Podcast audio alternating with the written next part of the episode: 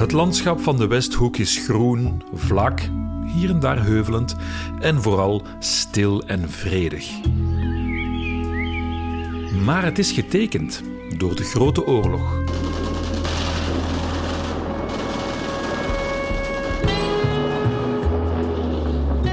Het landschap zelf is, zoals een van mijn gasten opmerkt, onverschillig. Het is wel ergens troostend dat zo'n landschap zelf zich niets herinnert. Hè?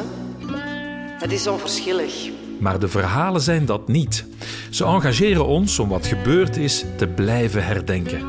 Aangemoedigd ook door UNESCO. In september 2023 plaatste zij 27 begraafplaatsen en monumenten uit deze streek op de Werelderfgoedlijst. Landscapes, Feel Flanders Fields werpt een nieuw licht op het herdenkingslandschap. Met literaire teksten op picknickbanken in alle Westhoekgemeenten.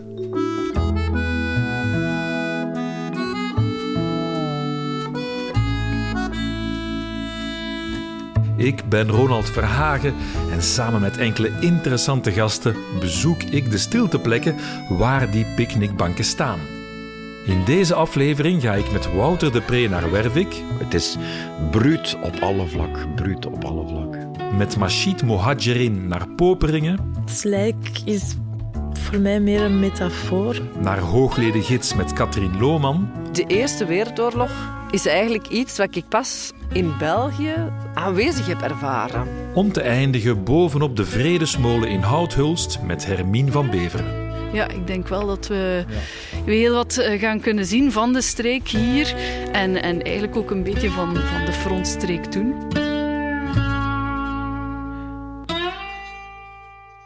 Maar eerst dalen we af, tot we met onze voeten in het slijk staan. Weet je dat over de Eerste Wereldoorlog uitgenomen? ik zie voor mij toch een beetje verskieten. In 2014 maakte Wouter de Pre een voorstelling over de Eerste Wereldoorlog. Slijk. Daarin graaft hij bommen, botten en verhalen op. Peer had ik zo vertellen over die keer dat we er in het eerste studio een spreekbeurt moesten doen. Was 1983, toen bij Meestervalken en de titel van de spreekbeurt was De Eerste Wereldoorlog in ons geliefde dorp Heluwe. Ik kan nul heb tien. Slecht rapport, maar toch heb ik hem uitgenodigd om het te hebben over de Grote Oorlog. Op zijn geboortegrond nog wel, Wervik.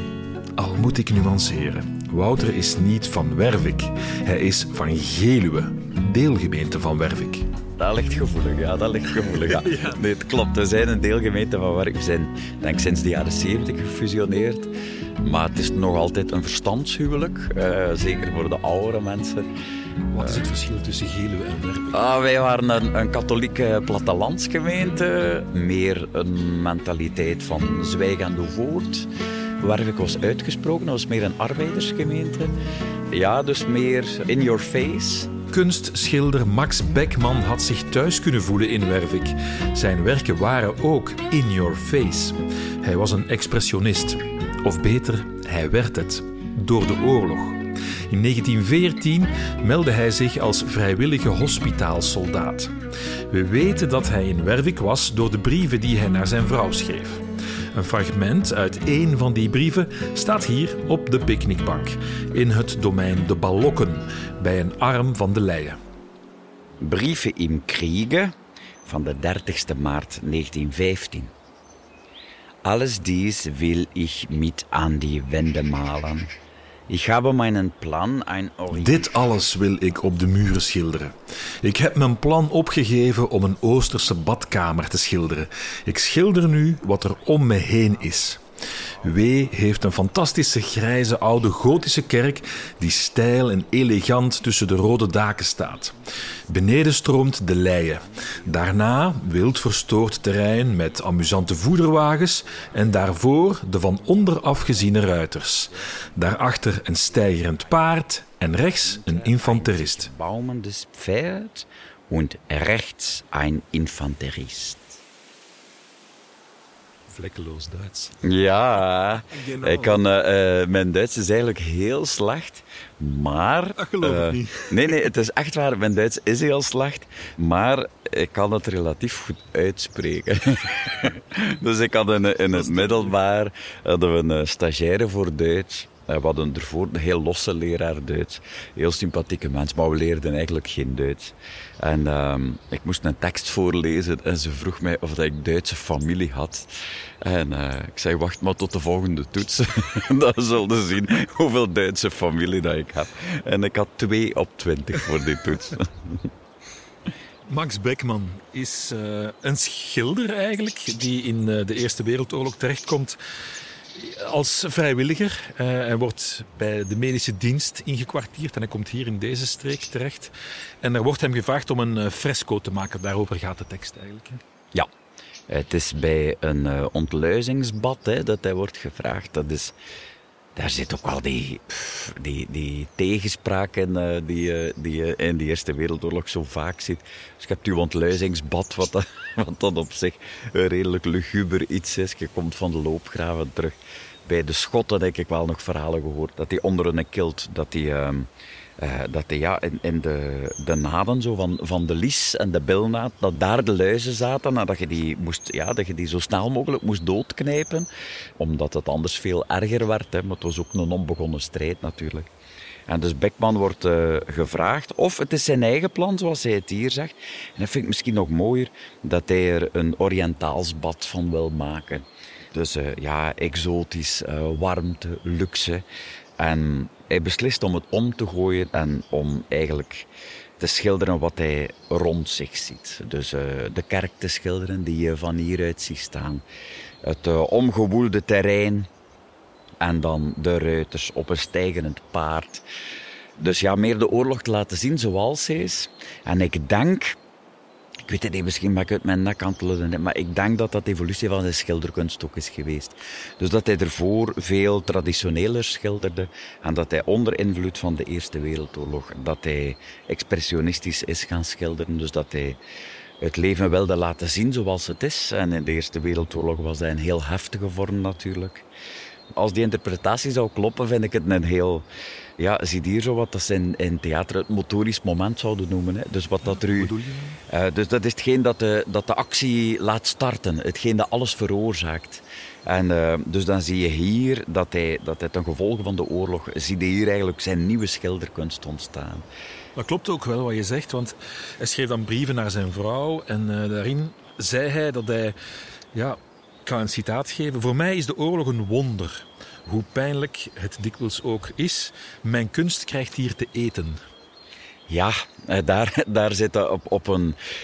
eh, dat is iets heel frappants. Hè? Dus eh, eigenlijk wilde in kunst, wilde, en ik denk zeker in die traditie, wilde het verhevigde leven laten zien. En dat is met die Eerste Wereldoorlog, als het iets is, is het zeker dat verhevigde leven. Maar zodanig verhevigd dat er ontzettend veel dood in zit. Hè? Dus daar zit er iets heel pervers in natuurlijk. Ja, voor een kunstenaar is het een, voor een stuk een geschenk natuurlijk, omdat de inspiratie zich aandient.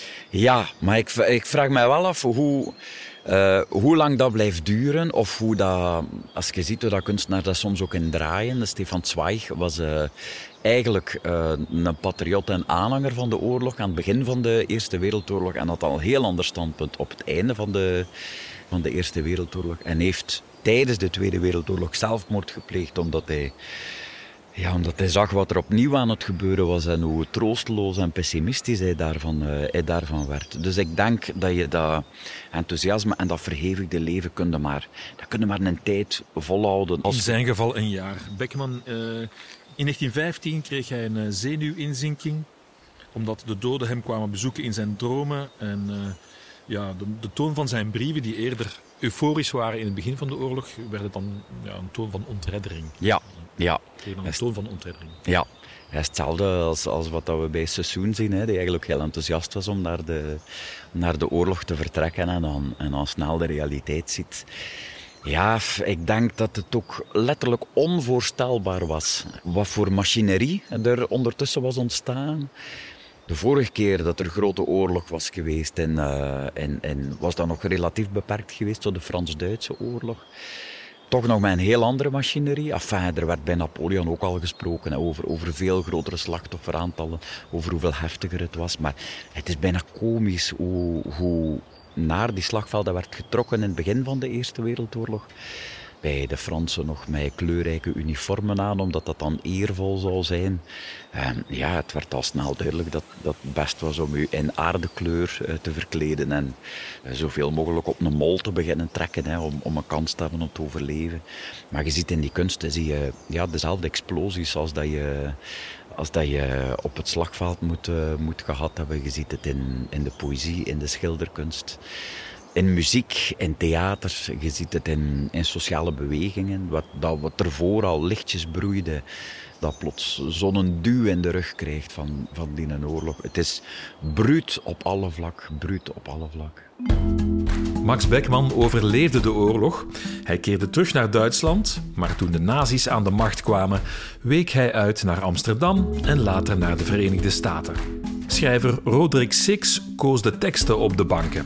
Hij geeft in deze podcast extra uitleg en ook wel zijn mening, zoals over dat fresco van Max Beckman. Er bestaan nog foto's van, maar het fresco zelf werd afgebroken.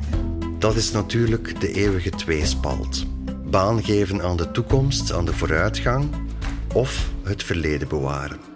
De Westhoek moet enerzijds oppassen dat het geen openluchtmuseum wordt, en anderzijds wonen daar nu ook gewoon mensen die een toekomst willen uitbouwen. En om iets te bouwen moet je vaak iets afbreken. Maar dat fresco had ik nu wel liever behouden gezien.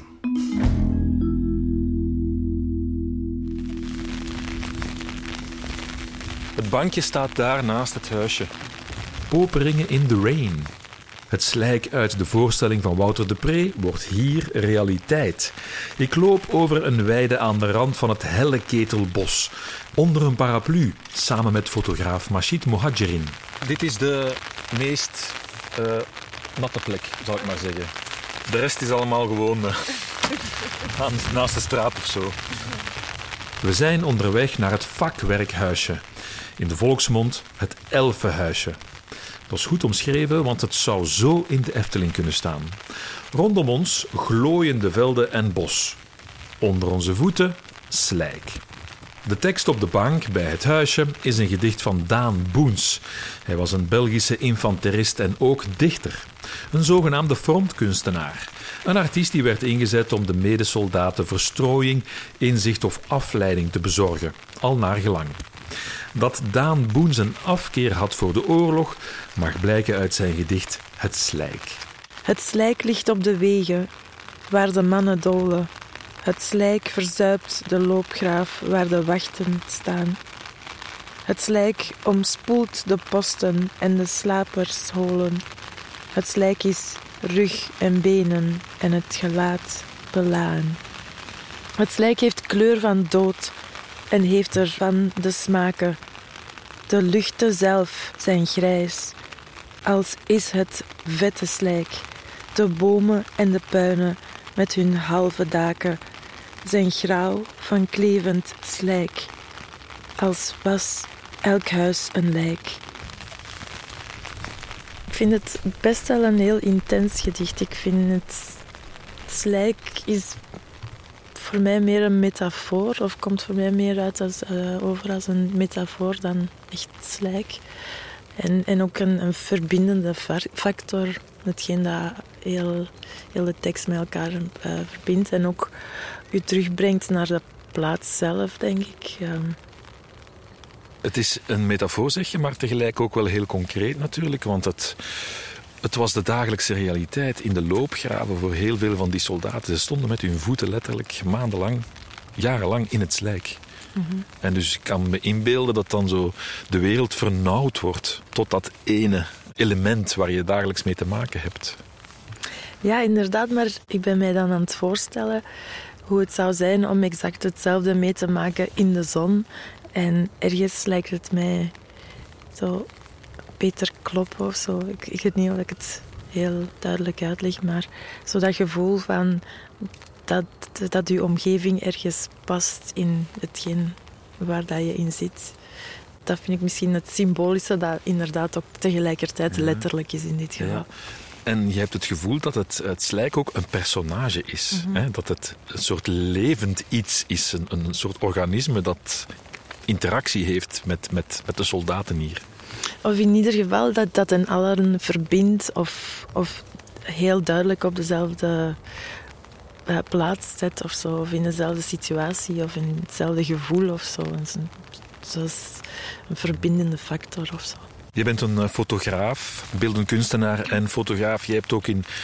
Ik weet niet of je in, in- Ben je al in oorlogsgebied geweest? Je bent Nee, ik- na, na conflicten ben Ja, je... ik doe, ik doe dat heel bewust nooit. Ah ja. Ik, ja, ik probeer dat ten aller... Ja, ik vermijd dat absoluut. Dat, wil ik, dat is iets wat ik, wat ik nooit heb willen doen en nooit, nooit zou willen doen. Ik denk dat dat...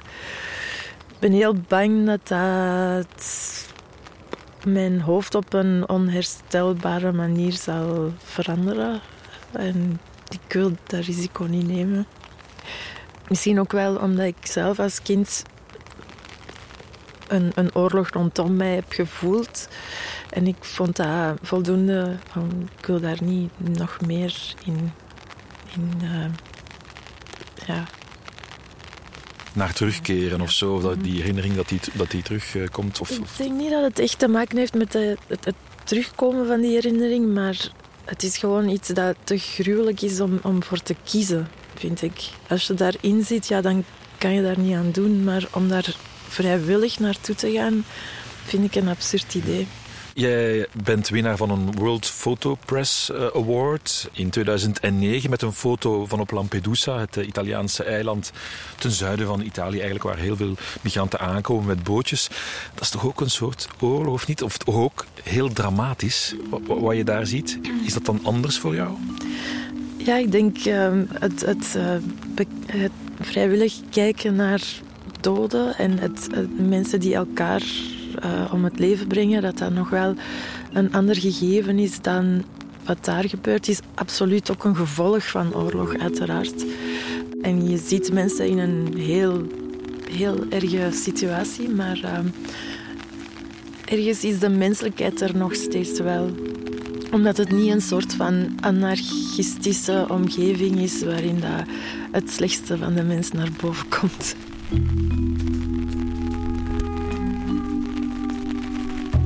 Aan het eind van de oorlog raakte Daan Boens gewond bij een gasaanval. Hij zou zijn hele verdere leven kampen met chronische bronchitis en slijtage aan de longen. Het spreekwoordelijke slijk is aan hem blijven kleven. In het West-Vlaams noemen we slijk moze. En de Vlaamse klei is vaak door onze kinderhanden gegaan. Wij kleiden er knikkers van of we bekogelden elkaar ermee alsof het bruine sneeuw was. Ik denk dat menig moeder in West-Vlaanderen die vruchtbare grondsoort vervloekt heeft. Maar wisten wij veel dat die moze doordrenkt was van talloze liters bloed. Dus wij zijn in Hoogleden, ja? Hoogleden gids. Hoogleden gids. En we moeten naar daar, denk ik. Ja, ja. En daar is een veldweg langs heen de akkers, net achter het voetbalveld. Hoogleden bevindt zich, de naam zegt het, op een hoge helling. Goed voor vergezichten en dus strategisch belangrijk in de oorlog. Oké. Dit was Duits bezet gebied. Ik wandel naar de bank met actrice en psychotherapeut Katrien Lohman. Wat mij helemaal niet zo bewust was, hoeveel schrijvers en kunstenaars eigenlijk natuurlijk in die oorlog zijn, eh, zijn omgekomen. En zo die, dat die term Lost Generation ook slaat eh, op, eh, op dat eigenlijk een heel cultuurscheppende generatie gewoon ten onder is gegaan. Of maar een heel kort oeuvre heeft kunnen, kunnen maken. En dat is wel een ja, gekke gedachte ook ergens. Hè? Luitenant Renker was een Duits soldaat en ook een cultuurschepper. We weten weinig over wat er met hem is gebeurd, maar een van zijn gedichten is bijgebleven: Beziektes Land. Het werd gepubliceerd in 1916 in de Liller Kriegszeitung, de bekendste Duitse veldkrant in de Eerste Wereldoorlog. Besiegtes Land. Renka, 1916. So wie an trübem, grauem Wintertage. Van deinem Schritt erschreckt. Net als op bewolkte grijze winterdagen, door je stap opgeschrikt. Een leger kraaien stijgt op uit het bruine veld, onthutsend, zwaar, met hees kwaken, onhandig klapperen van de vleugels, en gaat even zitten op kale populieren. Hoe dan, vandaar weggejaagd, in een verwarde vlucht de zwarte trein gaat richting het verre dorp, rusteloos achtervolgd door angst en honger. Hoe lang duurt het voordat het brood zal ontbreken? En ze verheffen dreigend hun stem. Wee de overwonnenen, waarschuwen hun schorre kreten. Wie lange noch, dann wird das Brot uns fehlen. Und ihre Stimme drohend sie erheben. Weh den Besiegten, warnt ihr heißes Schreien. Wat vind je van de tekst? En zeker als je hem nu hier leest, hè, we staan in de velden waar die kraaien, je zou ze kunnen zien opvliegen. Vandaag zijn ze er niet. So, die, die laatste Sinne, wie lange noch, dann wird das Brot uns fehlen. So die, die Troosteloosheid, die Kaalheid van eh, zo'n triestige zwarte vogel. Eh, zo koud. Ergens zo wat niksig. Wat is hier eigenlijk? Hier, hier is ook niet zo heel veel. Het is heel doelloos, hè? zinloos denk ik, om, om zo te vertoeven in zo'n situatie. Maar hij stelt het toch nog poëtisch voor. Hè. Het is niet, eh, ik heb niet het gevoel dat het heel erg gruwelijk is of dramatisch. Of, of toch wel?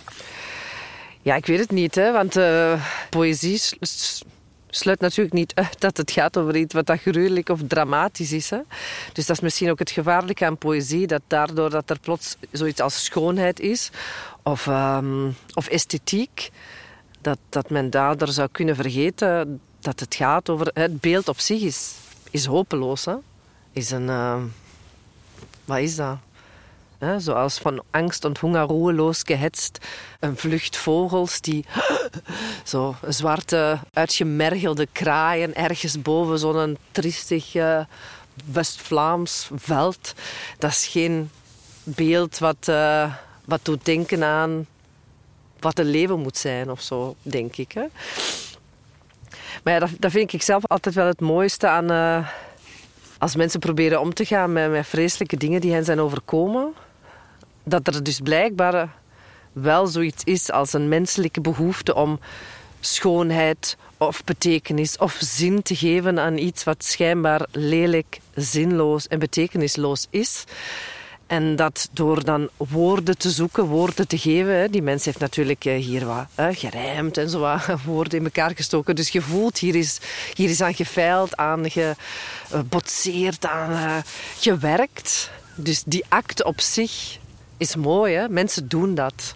Dat is ook mijn ervaring als ik met mensen werk die, ehm, die dingen hebben meegemaakt. Dat dat proces alleen al, het, het zoeken van woord, een beeld of vorm, ja, dat dat iets is wat dat inherent is aan het mens zijn. En zeker als we het hebben over menselijk lijden, ook helend is misschien wel heel, een heel groot optimistisch woord. Eh, dat lukt zeker niet altijd. Maar dat die behoefte daar wel is, ja. Jij bent een Duitser, jouw ouders zijn Duits, je bent in Duitsland geboren. Hoe leefde de oorlog en dan de Eerste Wereldoorlog nog in jouw familie? Werd daarover gepraat? Wij in Duitsland zijn denk ik vooral, eh, om maar het woord te noemen, getraumatiseerd door de Tweede Wereldoorlog. En door onze rol natuurlijk in de Tweede Wereldoorlog en in, eh, in het fascisme. Dat als ik terugdenk aan mijn schooltijd bijvoorbeeld, eh, of gesprekken in het gezin, dat, dat leefde heel erg. De Tweede Wereldoorlog. En daar is zo de Eerste Wereldoorlog tegen verbleken. Omdat wij als eh, dader en ook verliezer, voor de tweede keer, daarin zo'n cruciale sleutelrol hebben gespeeld en dat ook nog zoveel schuld wel leeft. Ik denk dat dat nu ook wel nog zo is, maar eh, toen ik klein was, zeker. Dus de Eerste Wereldoorlog is eigenlijk iets wat ik pas in België zo aanwezig heb ervaren. Ah ja. Hier is dat eigenlijk een beetje andersom. Hè? Hier is een hele herdenkingscultuur met betrekking tot de Eerste Wereldoorlog. Meer dan tot de Tweede. En ook meer tot bijvoorbeeld uh, jullie koloniale geschiedenis met Congo. Wat dan voor een Duitser bijvoorbeeld al uh, onbegrijpelijk eigenlijk is. Dan denk je, alleen, ze hebben het altijd maar over die Eerste Wereldoorlog. En ze hebben het nooit over Congo. Dat is toch ook vreemd eigenlijk. Hè? Dus het is ook raar hoe dat een land... Zijn verleden kiest. Zijn verleden kiest, ja. Dat klopt, maar binnen die keuze moet er wel diversiteit zijn. En dat is zo met de teksten op de banken. Die zijn zowel van winnaars als van verliezers. Van mannen en vrouwen, van kunstenaars en soldaten. Een veelheid aan stemmen, zoals die van Renker. Zijn beeld van de opvliegende zwarte kraaien blijft bij. Samen met de heerlijke alledaagsheid van het uitzicht nu nu gaan we hier de prachtige hoogleden verlaten en in deze mooie velden met um, spruitjes, heb ik mij laten Spruitjes, ja, spruitjes. Staan hier spruitjes? Uh...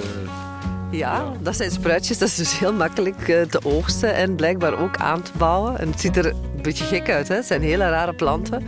En daar zitten dus overal spruitjes aan. Zalig. Ik zou het liefst willen meepakken, maar dat gaan we niet mogen doen waarschijnlijk. Nee, nee. Het Duits soldatenlied van Renker werd gepubliceerd in de Liller Kriegszeitung. Dat was een gratis veldkrant met een oplage van 110.000 exemplaren. Die kranten werden gevuld met propaganda, maar ook met stichtende artikels, satire en vermaak. Een oplage van 100.000 exemplaren. Daar kan de papieren media tegenwoordig enkel van dromen. Het toont aan hoe belangrijk propaganda is in oorlogstijd en hoe gevaarlijk. Tegenwoordig zie je een gelijkaardige trend, maar dan via sociale media. Politieke partijen die bevolkingsgroepen opstoken en bestoken met fake nieuws. En daar ongestraft mee wegkomen. Dat baart me zorgen, want dat soort ongebreidelde propaganda is de ideale voedingsbodem voor conflicten. Wijze woorden van Roderick Six, die een link naar vandaag legt. We weten allemaal hoe moeilijk het is om te leren uit het verleden. Daarom is het belangrijk om de verhalen te blijven vertellen en symbolische plekken in het landschap te blijven onderhouden. Wel, we staan aan de Vredesmolen in, in Houthulst, ook dicht bij, bij Klerken. Dit is Hermine van Beveren. Ze is journaliste bij Sporza en afkomstig uit Vleteren. Hermine is historica van opleiding en maakte haar thesis over de rol van de Sint-Sixtus-abdij in West-Vleteren tijdens de Eerste Wereldoorlog. Daarover hebben we het uitgebreid als we naar Vleteren gaan. Maar nu zijn we dus in Houthulst, bij de Vredesmolen. Ik moet zeggen, voor mij ook een nieuwe plek. Dit is relatief ver van, van Vleteren. En zeker die Vredesmolen is vrij recent. Um, ja, gerestaureerd. Heel mooi gedaan. Echt wel uh, een... Uh, attractie voor deze streek. Uh, maar vrij het ziet, recent. Als een, het ziet er niet uit als een molen eigenlijk. Die, het is, het is een toren. Al zie ja, je nog wel ja. dat het een, een, molen was. Maar nu is het inderdaad vooral een, een toren waar ze een trap in ja, gewenteld hebben. En zo kan je natuurlijk naar boven genieten van het uitzicht. Dit ligt al een beetje op een hoogte. En dan ga je dus nog wat voor. Dus gaan we, vermoed ik toch, want het is de eerste keer, echt heel ver kunnen kijken. Het valt ook mee qua weer vandaag. Er is wel een beetje wind, maar... Uh, ja, ik denk wel dat we ja. heel wat eh, gaan kunnen zien van de streek hier. En, en eigenlijk ook een beetje van, van de frontstreek toen. Hermine en ik nemen de wenteltrap naar boven. Er zijn geen wieken meer aan deze molen en ook ongeveer een vijfde van de wand ontbreekt. Het is een gerestaureerde ruïne. We komen boven. En het uitzicht is inderdaad. Ah, heerlijk. Dus voor ons is dat Klerken dan? Dat is Klerken. Ja. De kerk. Dat moet wel de ijzertoren zijn. Oké. Okay. Denk ik, de Xmuiden. En dan zie ik niet meteen dan, als we naar links draaien, zie je meer het Heuvelland natuurlijk. Ah, is dat dan de Kemmelberg en zo? Uh, ja, maar ik denk de meest rechtse is denk ik de Katsberg. Dat is Frankrijk. Dan heb je Rodeberg, Zwarteberg en dan Kemmelberg. En dit was ja. dus Duits bezet gebied. En dan een van de soldaten die hier, of toch hier in, in de buurt heeft gevochten, was Wolfgang Ostwald. Ja, en hij heeft dus uh, een uh, tekst geschreven. Een, uh, ja, als aandenken aan zijn gevallen, gesneuvelde medesoldaten, strijdmakkers, kameraden, zo noemt hij ze. Een, een gedicht uit 1915. Dem aandenken der gevallenen kameraden. Oeberst aan deen is die helle. Daarachter ligt de hel van granaten en granaatscherven. Nu beschermt moeder aarde je. Dorst en honger, vorst en koorts, storm en regen zijn voorbij. Moederschoot is warm en zacht. Moederschoos is warm en weich. Ja, het is dus voor de gesneuvelde soldaten, Duitse soldaten in de eerste plaats. De hel, storm en regen, dorst en honger Spreekt voor zich. hebben ze gehad. De waanzin van de oorlog. Ja, daar zijn ze van verlost, maar natuurlijk wel omdat de dood in de plaats is gekomen. Het lijkt als een, een verlossing. Ooit stopt de pijn en ga je naar de moederschoot terug. De tekst van Wolfgang Ostwald prijkte op een steen op twee intussen verdwenen begraafplaatsen in deze streek. Dit was zwaar bevochten gebied. De slag bij Houthulst, tussen Belgen en Duitsers, kostte veel soldaten het leven. En er zitten nog altijd veel bommen uit die slag in de grond. Niet toevallig is er een basis van de Dienst voor Opruiming en Vernietiging van Ontploffingstuigen, DOVO, hier in de buurt. Gaat natuurlijk heel veel over de, de soldaten, de militairen, de militaire staf en dan de politieke leiders. En ja, zeker toen, nu nog maar zeker toen, ook heel veel mannen. Een verhaal dat ook wel bij die Eerste Wereldoorlog past en, en uh, ook wel de laatste decennia of jaren toch wel meer aan bod komt, is, is ook het verhaal van al die andere betrokkenen. Het verhaal van, van de kleine mensen in de grote oorlog. En daar horen denk ik ook wel bij de mensen die achterbleven. En voor wie die oorlog ook een enorme impact had. Ook al was het dan niet wat, wat gevechten betreft en, en die ontbering enzovoort. Interessant punt dat Hermine maakt. De oorlog had een invloed op iedereen. Alle verhalen zijn daarbij van tel. Vindt ze het dan belangrijk dat we die ook vertellen? Via projecten als Landscapes Feel Flanders Fields. Ja, superbelangrijk dat het blijft gebeuren. Want je zou kunnen denken van... Goh, we hebben nu wel intussen alles verteld van die Eerste Wereldoorlog.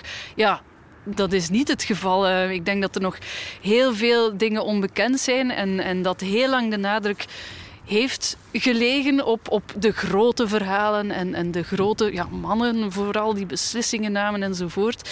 En dat uh, zeker ook met in de Flanders Fields, Westtour, dat, dat het verhaal van de, de, de kleine mens, man, vrouw, ook veel meer aan bod komt en dat er daarover nog heel veel te vertellen van, en, valt liever. En het is ook een levend iets natuurlijk, hè, want hier was bijvoorbeeld een begraafplaats, is er nu niet meer. Dat hadden we in Reningen ook. Die, die plekken veranderen. Wie weet ook ja, het, belang de Britse begraafplaatsen in uh, de Westhoek. Ze zijn er zoveel. Over 50 of over 100 jaar zal het veranderen, zal, zal het aangepast worden. Hoe kijken we dan terug op die Eerste Wereldoorlog? Hoe we daar vandaag over denken, zal die toekomstige blik beïnvloeden. Nieuwe inzichten en initiatieven zijn dus noodzakelijk. Deze aflevering speelde zich grotendeels af aan de Duitse kant van het front. Roderick Six staat even stil bij hun situatie. De Duitsers hebben in Europa lang het stigma moeten dragen van twee wereldoorlogen, maar uiteindelijk zijn het toch ook maar jongens die door hun leiders richting het slagveld werden gestuurd. Het maakt niet uit welke nationaliteit bloed. Blijven allemaal kinderen die elkaar bekampen voor een zogenaamd hoger doel.